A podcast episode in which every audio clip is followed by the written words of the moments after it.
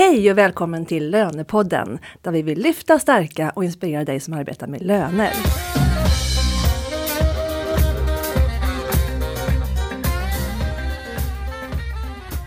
Jag heter Katarina Sand och jag arbetar på rekryteringsbyrån WISE Professionals där vi bland annat rekryterar och hyr ut lönekompetens. Lönepodden gör vi i samarbete med SRF-konsulterna och Knowit HRM. I förra avsnittet då var ju temat Global Payroll och då hade vi Melanie Pizzi, VD för Global Payroll Association här från London. Och efter det avsnittet, när vi spelade in det, då frågade jag henne om hon ville vara med på Inspiration Lön, vår egen lönedag som vi gör här på Vice Professionals. Och det ville hon. Och det är vi så glada för. Så att håll utkik efter Inspiration Lön den 26 mars 2020 på Scalateatern i Stockholm. Det här avsnittet kommer att handla om robotar och artificiell intelligens. Och min bisittare idag det är Karin Strindmark på Knowit HRM. Välkommen Karin! Tackar! Vad tror du om det här AI och robotar? Hur kommer det förändra lönerollen? Så jag tror att det kommer ske mycket, inte bara inom lönerollen utan väldigt många områden. Eh, jag tror att det gör att vi kommer ha mindre av det repetitiva. Vi har pratat om det papperslösa under väldigt lång tid. Vi är inte riktigt där än. Men jag tror att vi kommer se att det försvinner. Eh, arbetsuppgifterna kommer förändras. Sen är det hur snabbt det kommer gå. Jag tror mm. vi kommer se lite mer teknikinriktade roller. Eh, men, men jag tror fortfarande de här specialisterna, vi, vi kommer behöva många som kan området. Det här är jättespännande och det är på allas läppar verkligen just mm. nu. Eh, och därför har vi bjudit in två spännande gäster på temat som kan mycket om det här. Och det är Åsa Lovén, konsult i egen firma just nu, eh, med lång erfarenhet inom lön och HR. Och du är även utbildare nu på TUC i Jönköping, mm. eh, en yrkeshögskoleutbildning till lönespecialist. Mm. Det stämmer det. det stämmer bra. Och även författare till en, en bok, va? System och lön. Alldeles riktigt. Jag har skrivit ja. en bok eh, som handlar om HR och löneprocesser. Eh, men nu under hösten kommer min nästa bok ut som kommer att handla om systemförvaltning eh, ur ett tjänste och mervärdesperspektiv. För att jag mm. tycker det är på tiden vi tar nästa kliv. Så det stämmer. Mm. Och sen har vi Joel Köhl som är Head of Aditro Pay. Ja, Välkommen! Tack så mycket! Vad innebär den rollen? Eh, det innebär att man jobbar med produkt, service, innovation och konceptutveckling inom lön. Så att eh, vi jobbar med, vi har en liten forskningsavdelning, vi har en liten utvecklingsavdelning och en service och en leveransavdelning som tillsammans eh, jobbar för att driva branschen framåt. Och hur länge har du jobbat med de här frågorna? Jag har jobbat med lön i 15 år så att eh, ganska länge. Eh, specifikt inom det här området har vi hållit på med i en 3, 4, 5 år. Och okay. sånt ja.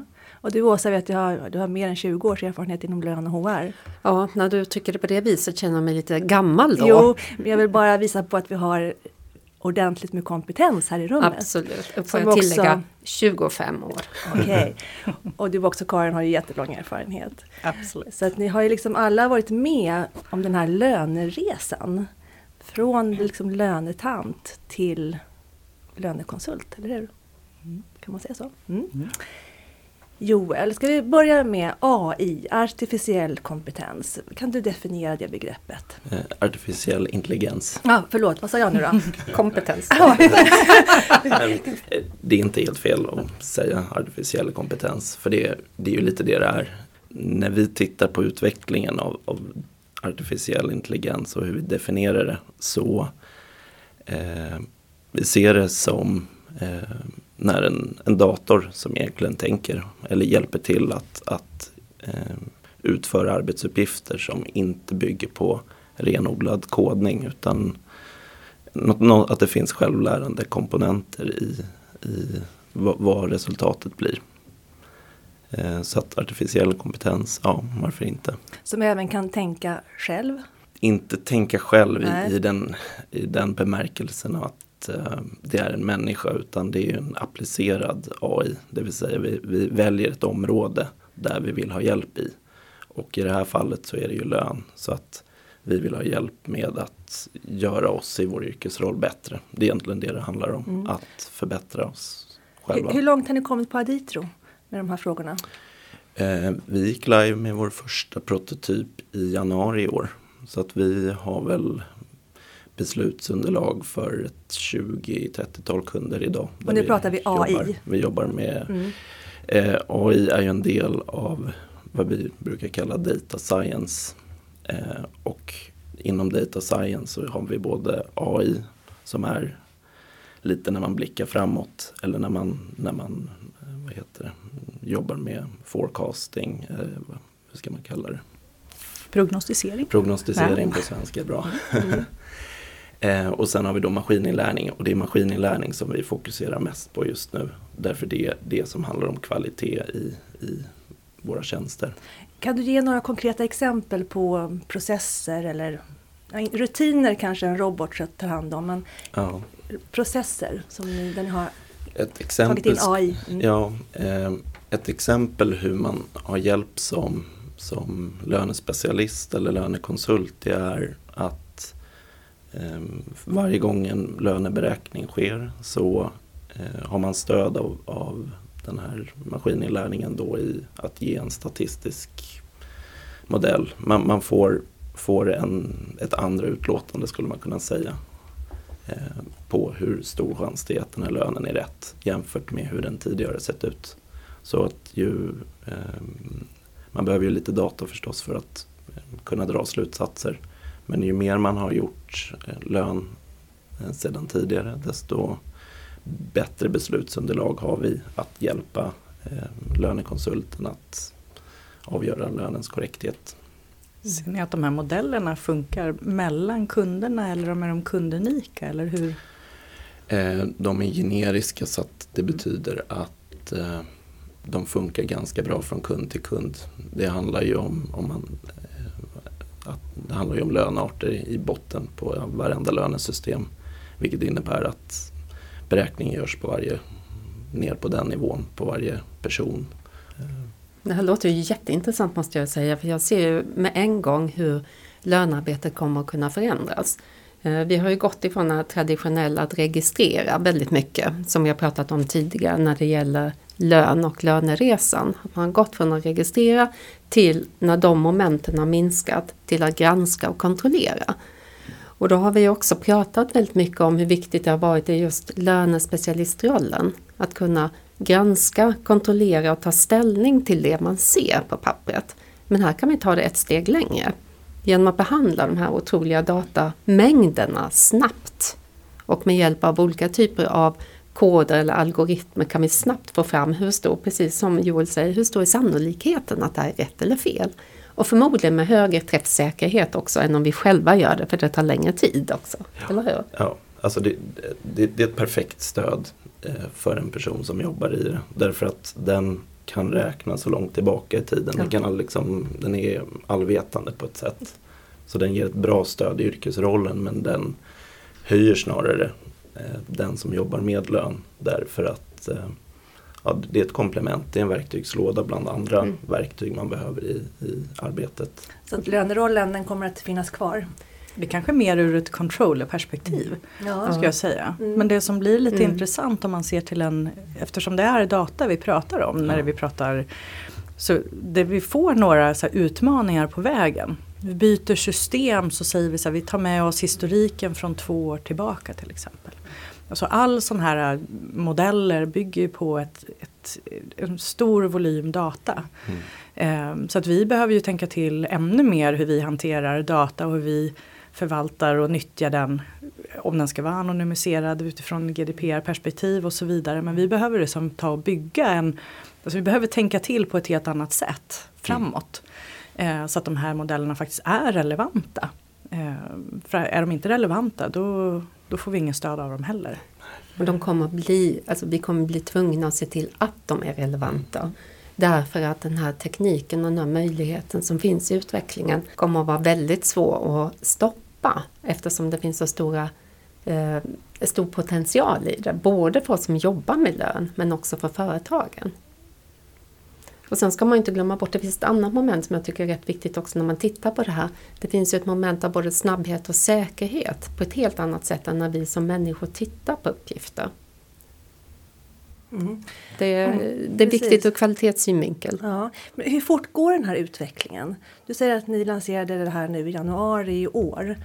Eh, alltså hur, det, pratar vi om eh, nu månader, år eller liksom hur, hur snabb är förändringstakten? Jag skulle säga att förändringstakten är väldigt, väldigt stor. Det går, det går, det går fort.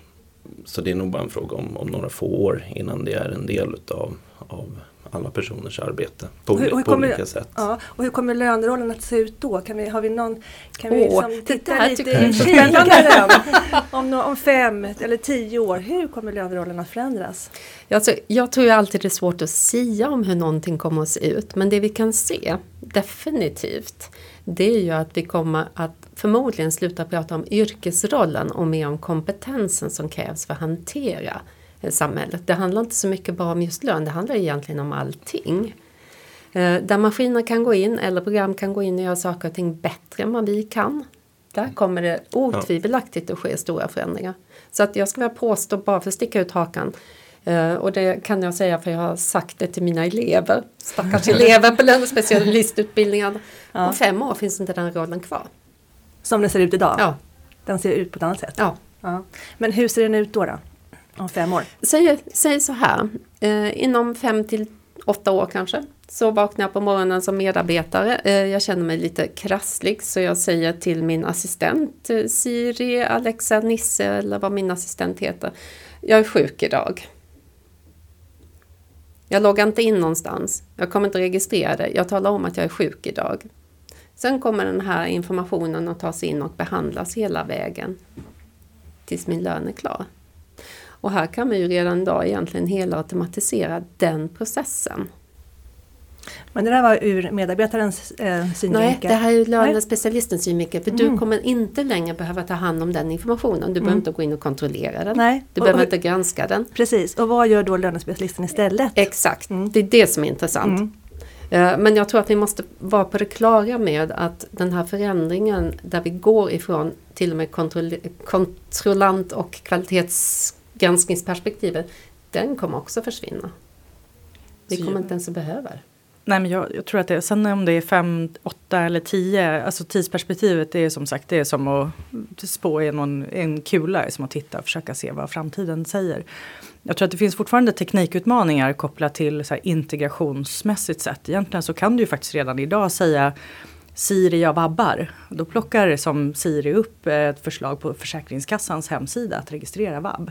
Vår utmaning är ju att vi inte har en koppling till systemen. Så att själva som ekosystemet av våra, av våra system och verktyg idag, den finns inte. Så vi är rätt duktiga på att optimera respektive verktyg som Aditro i sig.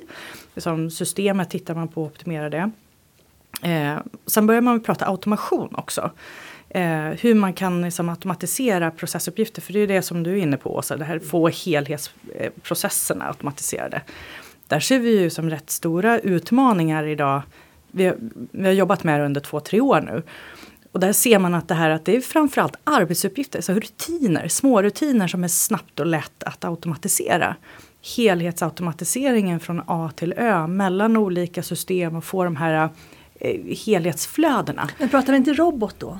Jo men det är ju, man, man ja. pratar ju alltid om en robot, även mm. så automatiseringsverktyg mm. benämner man ju som robotar. Ja. Eh, och en robot är ju egentligen någonting som gör det en människa ska kunna göra. Mm. Eh, så att, ja, en del säger så att det är ju ingen robot för det är ju ingen fysisk robot, det är ju mm. ett, det är ett systemverktyg. Ja. Eh, men, men vi ser det som vi har tekniken men den är inte riktigt fulländad. Eh, och det blir ju så när man kan koppla ihop den typen av robotar mm. med AI. Att den kan lära sig. Mm, det är som, då det blir verkligen intressant, det är då förändringen kommer. Ja, då börjar vi få hävstången, mm. vi är inte riktigt där Nej. än. Vad säger du om det Joel? Eh, jag kan bara instämma. Det, det handlar om att titta på, på ett helhetsgrepp på hur flödena av information går från system A till system B. Och ibland är det en leverantör, ibland är det flera leverantörer. Ibland kan det vara upp mot fem, tio leverantörer beroende på eh, vad det är för, inom vilken bransch man jobbar i. Så att hur systemen pratar är minst lika viktig för det här för att eh, utvecklingen ska gå Men framåt. Hur stor är den utmaningen då för, för er som systemleverantör att få till den här kopplingen? Eh, alltså det, det, är inte, det är inte varje enskild leverantör egentligen utan det är vi tillsammans. Alla som, som har någon typ av system som täcker in vad heter det, löneomfånget om man säger så. Eh, varje leverantör skulle jag säga jobbar med att bli bättre på att integrera. Så att i takt med att den utvecklingen sker, ja då kommer också informationen flöda bättre mellan alla system och leva mer i symbios med varandra. Och i det läget så blir det också mycket lättare för en AI att jobba med informationen i, i, i de flödena. Men innebär det då att ni har kontakter med andra systemleverantörer? Att det, ni träffas det, i olika forum? Och, man jobbar mycket mer så än vad man gjorde för fem mm. år sedan. Mm. Därför att man märker att, att man inte är ensam. Eh, utan kunderna eh, och alla företagen där ute som jobbar med, med lön mm. har ju en flora utav produkter. Så att man jobbar med, på ett helt annat sätt idag med partnerskap, man jobbar med tekniska integrationer, man jobbar med integrering på olika nivåer. Mm. Är också nyfiken på hur, hur mogen är kunden? Hur, hur, eh. alltså, hur, hur är förfrågningsläget liksom, eh, från kunderna när det gäller AI? Alltså du var ju inne på det, det, det finns ju en hype men, men utmaningen är ju att förklara hur det faktiskt hjälper. Och det är utmaningen för oss också i utvecklingen av AI är ju att förklara eller förstå själva hur, vad, vad jobbar människan med, vad jobbar maskinen med, vad jobbar datorn med. Eh, vi har faktiskt en väldigt intressant workshop nu i slutet av september där vi ska titta på just eh, vi har ju vår digitala assistent Python och sen har vi våra medarbetare. Så vi ska titta där på gränslandet, det digitala gränslandet mellan vad gör vi bäst och vad gör, vad gör Peyton bäst. Mm. Så att eh, det handlar mycket om förståelse. Jag tror att den, får jag bara komplettera? Ja, för jag mm. tror att det som det vi ser händer när man väl börjar nyttja, jobba med AI eller automation och man kommer igång. Det att har man väl kommit igång och man klarar av att göra lite utveckling över tid så har det rätt stor påverkan på chefer och medarbetare. För att tidigare så sa vi det, ja, men vi byter ett lönesystem och så kanske 8 till 12 månader senare så tryckte vi på knappen och vi alla jobbade sig blodiga under den tiden. Mm. Med de här små förändringarna som sker nu över tid, det är ju att individers roller eller alltså kompetens, vad som krävs av dem. Det kommer förändras så snabbt att det kanske går från att du kan automatisera någonting tre veckor, fyra veckor senare så har du automatiserat flödet för vissa typer av arbetsuppgifter. Och det gör att ställtiden för att jobba med förändringar och istället för att det som jobbar här är långsiktiga så måste vi få människor att inse att det här är en vardag. Eh, och det är som det tror jag är den stora utmaningen både hos oss som individer, för jag tror att majoriteten av oss är inte jätteförtjusta i den typen av förändringar som kommer komma så ofta. Men också ur ett ledarskapsperspektiv, för vi måste skapa en trygghet och en kultur i vår organisation så man känner att det, det är ganska roligt att vara med på den här resan. Eller inte ganska, roligt att vara med på resan. Mm. Ehm, och där tror jag att det som, tekniken den springer men eh, vi människor, vi, vi måste jobba med oss också. Mm. Men alltså kommer det... Jag skulle vilja säga mm. någonting där, för där tycker jag faktiskt Karin, du skjuter in någonting som är väldigt bra. För att tekniken i sig har ju alltid varit drivande för all utveckling. Det kan man ju kanske se historiskt och, och också vara eniga om. Men det är kanske inte den som är den viktigaste utan det är den kompetens vi har. För vi kommer ju leva i framtiden allihopa. Och jag har ju mött väldigt många löneadministratörer, lönespecialister som tycker att nej men, vi kommer alltid att behövas därför att vi kan tillgodose någon form av mänskligt behov här. Och det är mycket möjligt för det, det är just det kanske maskiner och datorer eller robotar inte är riktigt bra på ännu är ju att tolka känslor och upplevelser. Så att jag tror visst att vi kommer också ha kvar någon typ av eh, roll eller kompetens kopplat till lön. Men jag kan tänka mig att man kommer att kunna vara AI-tränare inom lön till exempel. Mm. och titta mera hur kan vi bidra med att träna våra system till att bli bättre på de här automatiserade funktionerna. Det kommer också tror jag att krävas mycket, mycket större ansvar av varje individ själv av oss som människor, medarbetare och organisationer på att ta ansvar för vår egen kompetens. Och systemkompetens verkar vara någonting som är väldigt viktigt här. Jag skulle påstå att det är viktigare att man vet vad som ska ske i processen och hur man gör det än att man kan systemen i sig. Mm. Man måste vara en duktig eh, skulle Kravställare jag påstå, eller? Kravställare eller beställare Mm. eller kunna förstå frågeställningarna. För expertisen finns ju redan. Antingen har man internt på någon typ av IT department eller IT-avdelning eller också har leverantörerna det av erfarenhet. kompetensen att faktiskt veta att det är rätt. Även om vi använder det i löneprocessen och ser hur mycket blir fel och mycket så här. Initialt så behöver vi ju faktiskt ha någon som hjälper till att verifiera och träna de här modellerna. Sen eh, när vi har kommit ännu längre så kanske det, det inte behövs i samma omfattning. Men jag tror att det här tidsperspektivet, vissa saker som är tekniken går mycket snabbare. Det är ju det här med om vi uppfattar någonting som mänskligt eller inte. Jag tror att den kommer gå snabbare än vad vi tror.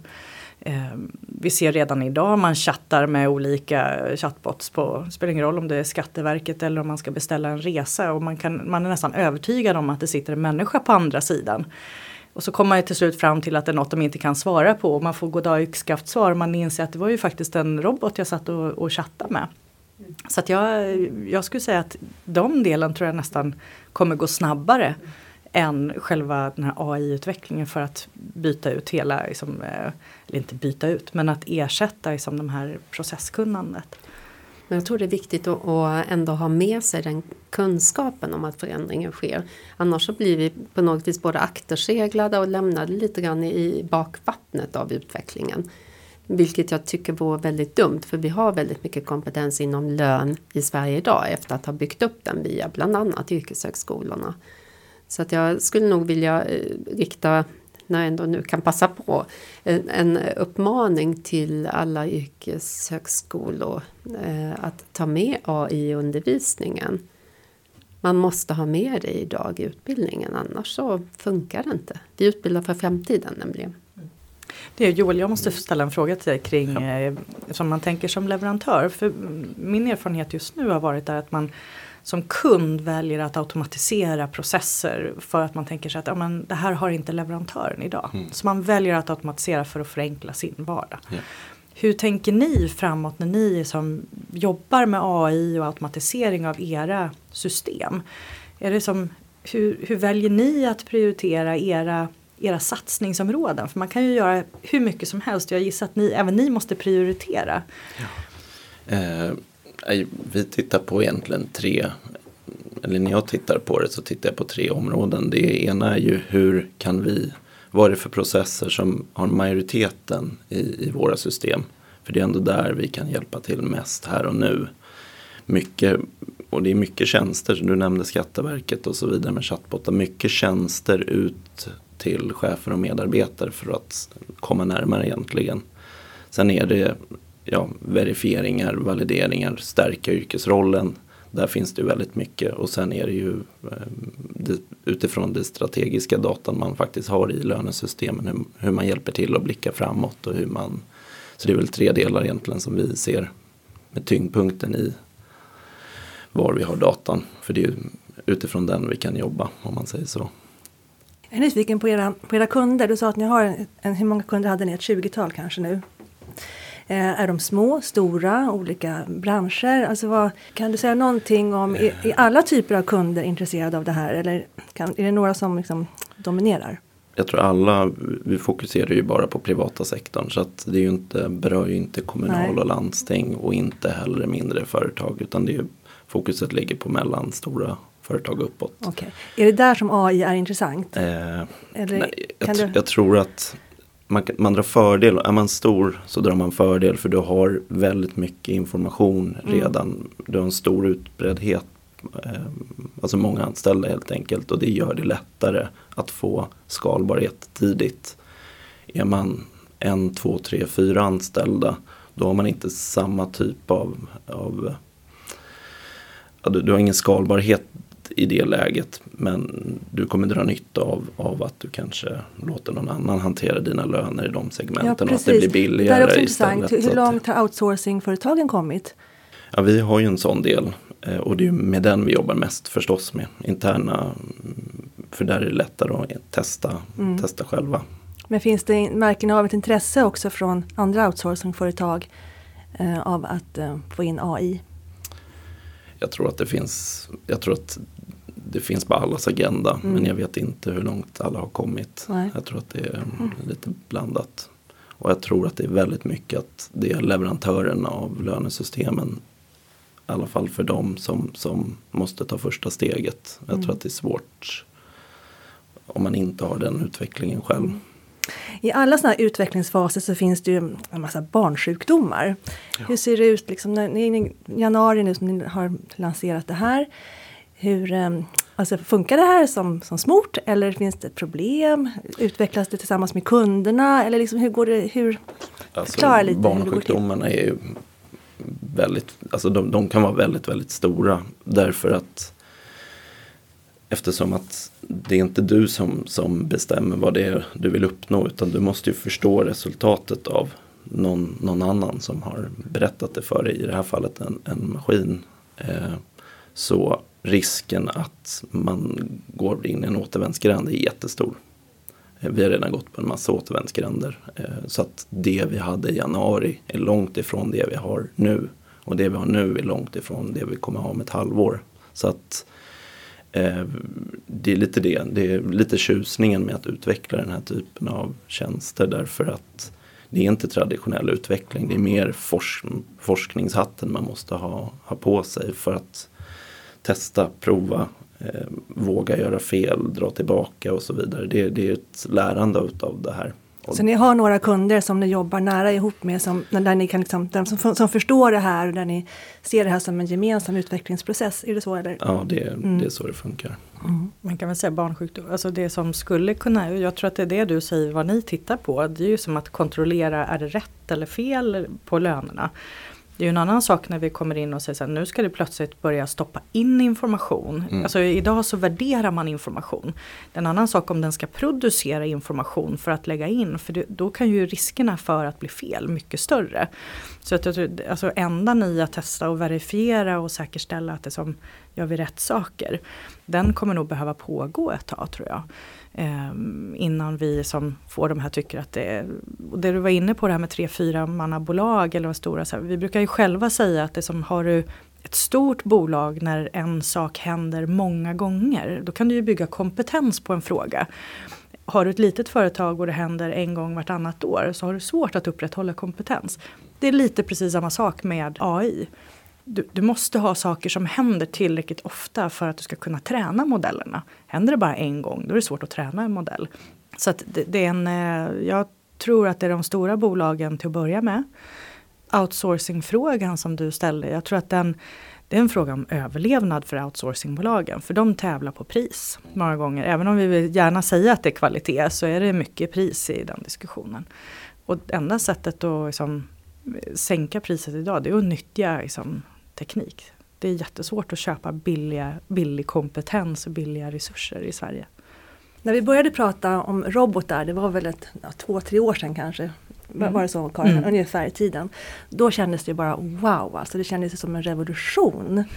Och nu kommer AI som nästa steg. Är det liksom bara en, det känns som en naturlig utveckling, teknisk utveckling bara? Eller är det också en lika stor revolution som roboten var för tre, fyra år sedan? Eller? Jag skulle säga att AI är betydligt större för robotiseringen är en del av AI. Och robotiseringen i sig har vi ju egentligen alltid haft. Men det som är skillnaden idag är ju att vi har helt andra möjligheter där hårdvara och mjukvara har blivit billigare. Vi har en helt annan kapacitet att behandla data på idag.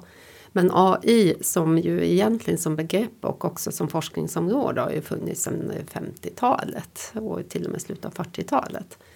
Och det har ju egentligen, tror jag, ganska länge legat i människans intresse. Kan vi skapa någonting utanför oss som är minst lika intelligent som oss? Men definitionen är att maskinen ska kunna göra någonting som vi själva kan utan begränsningar. Och då har vi liksom själva intelligensen där. Så att AI är här för att stanna. Vi behöver ju bara titta på, på att vi möter AI precis överallt idag. Utan att vi ens tänker på det. Så att eh, ja, AI är här och det är stort. Mm. Det vi kommer se, jag håller med om att ja, vi, vi kommer se användningsområden som vi kanske inte har tänkt. Um, och sen så blir det lite intressant för det är ju samma sak som i alla de här andra omgångarna med AI där det har varit diskussioner kring det. Lyckas man leverera på det? Eh, allt ifrån självkörande bilar. För fem år sedan så stod vi där och tänkte att ja, men våra barn kommer inte ta körkort. Vi, vi är inte där Ehm, i, i dagsläget. Och det, för det, när vi börjar nyttja teknik så uppstår även andra etiska frågor. Eh, så det är som allt ifrån samhällsfrågor. Vad gör vi om, om, om alla egentligen kan trycka på den där den berömda löneknappen? Liksom. Inte ens den behöver vi trycka på. Hur jobbar vi i samhället med? Vi får inga skatteintäkter plötsligt när inga jobbar. Eh, eller att vi, eh, vi har andra etiska problem. Vem, vem är viktigast om det ska köra runt en bil i, som självkör? Som vem, vem, om man ska köra på någon, vilket gud förbjude är, men om det skulle hända, vem skulle man då välja mellan en, ett barn eller som en äldre med rollator.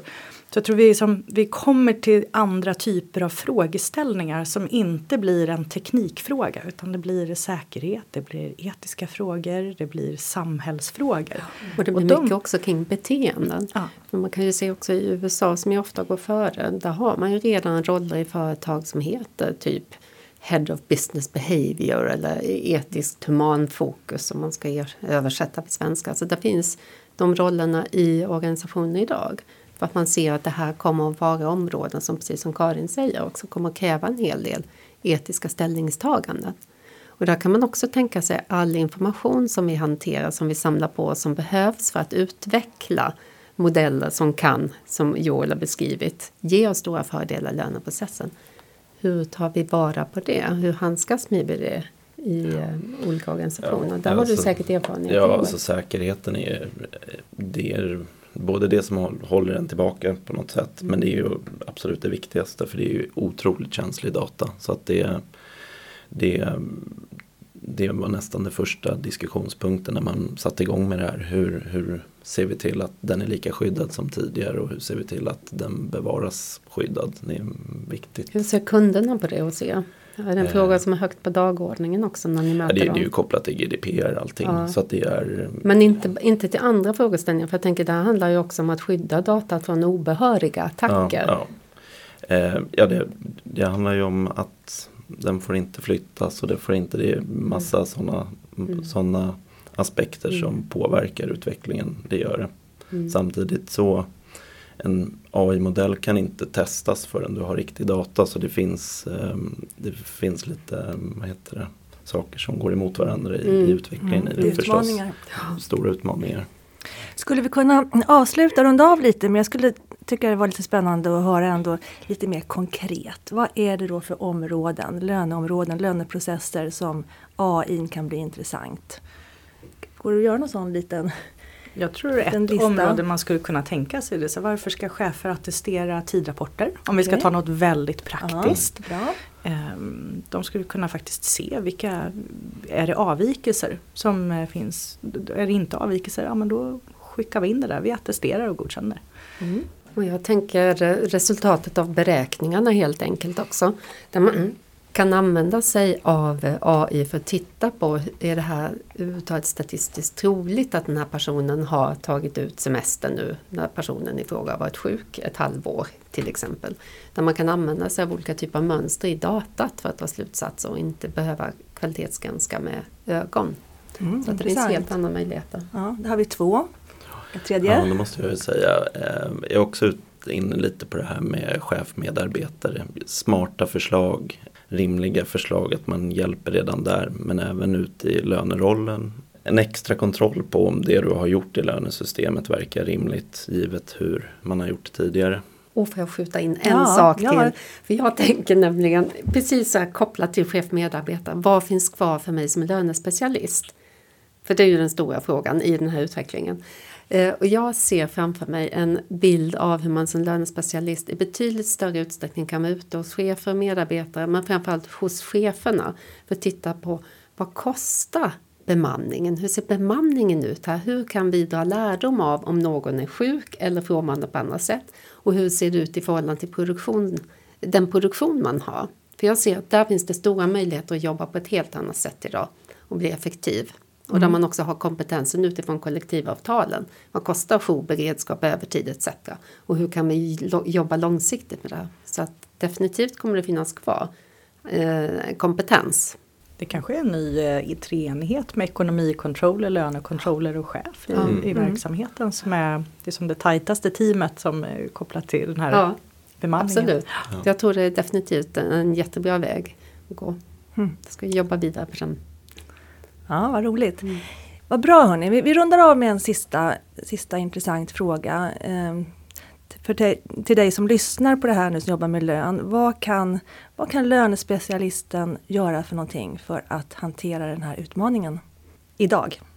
Jag tror att det, man ska se sin yrkesroll som ett lärande. Att kontinuerligt utbilda dig, att kontinuerligt förstå, mm, läsa på både inom, inom din yrkesroll men även brett, lite generellt om vi, vad som händer för att och sätta dig själv i, i ditt sammanhang, eh, den information du jobbar med och ja, tänka brett på vad det är du tillför.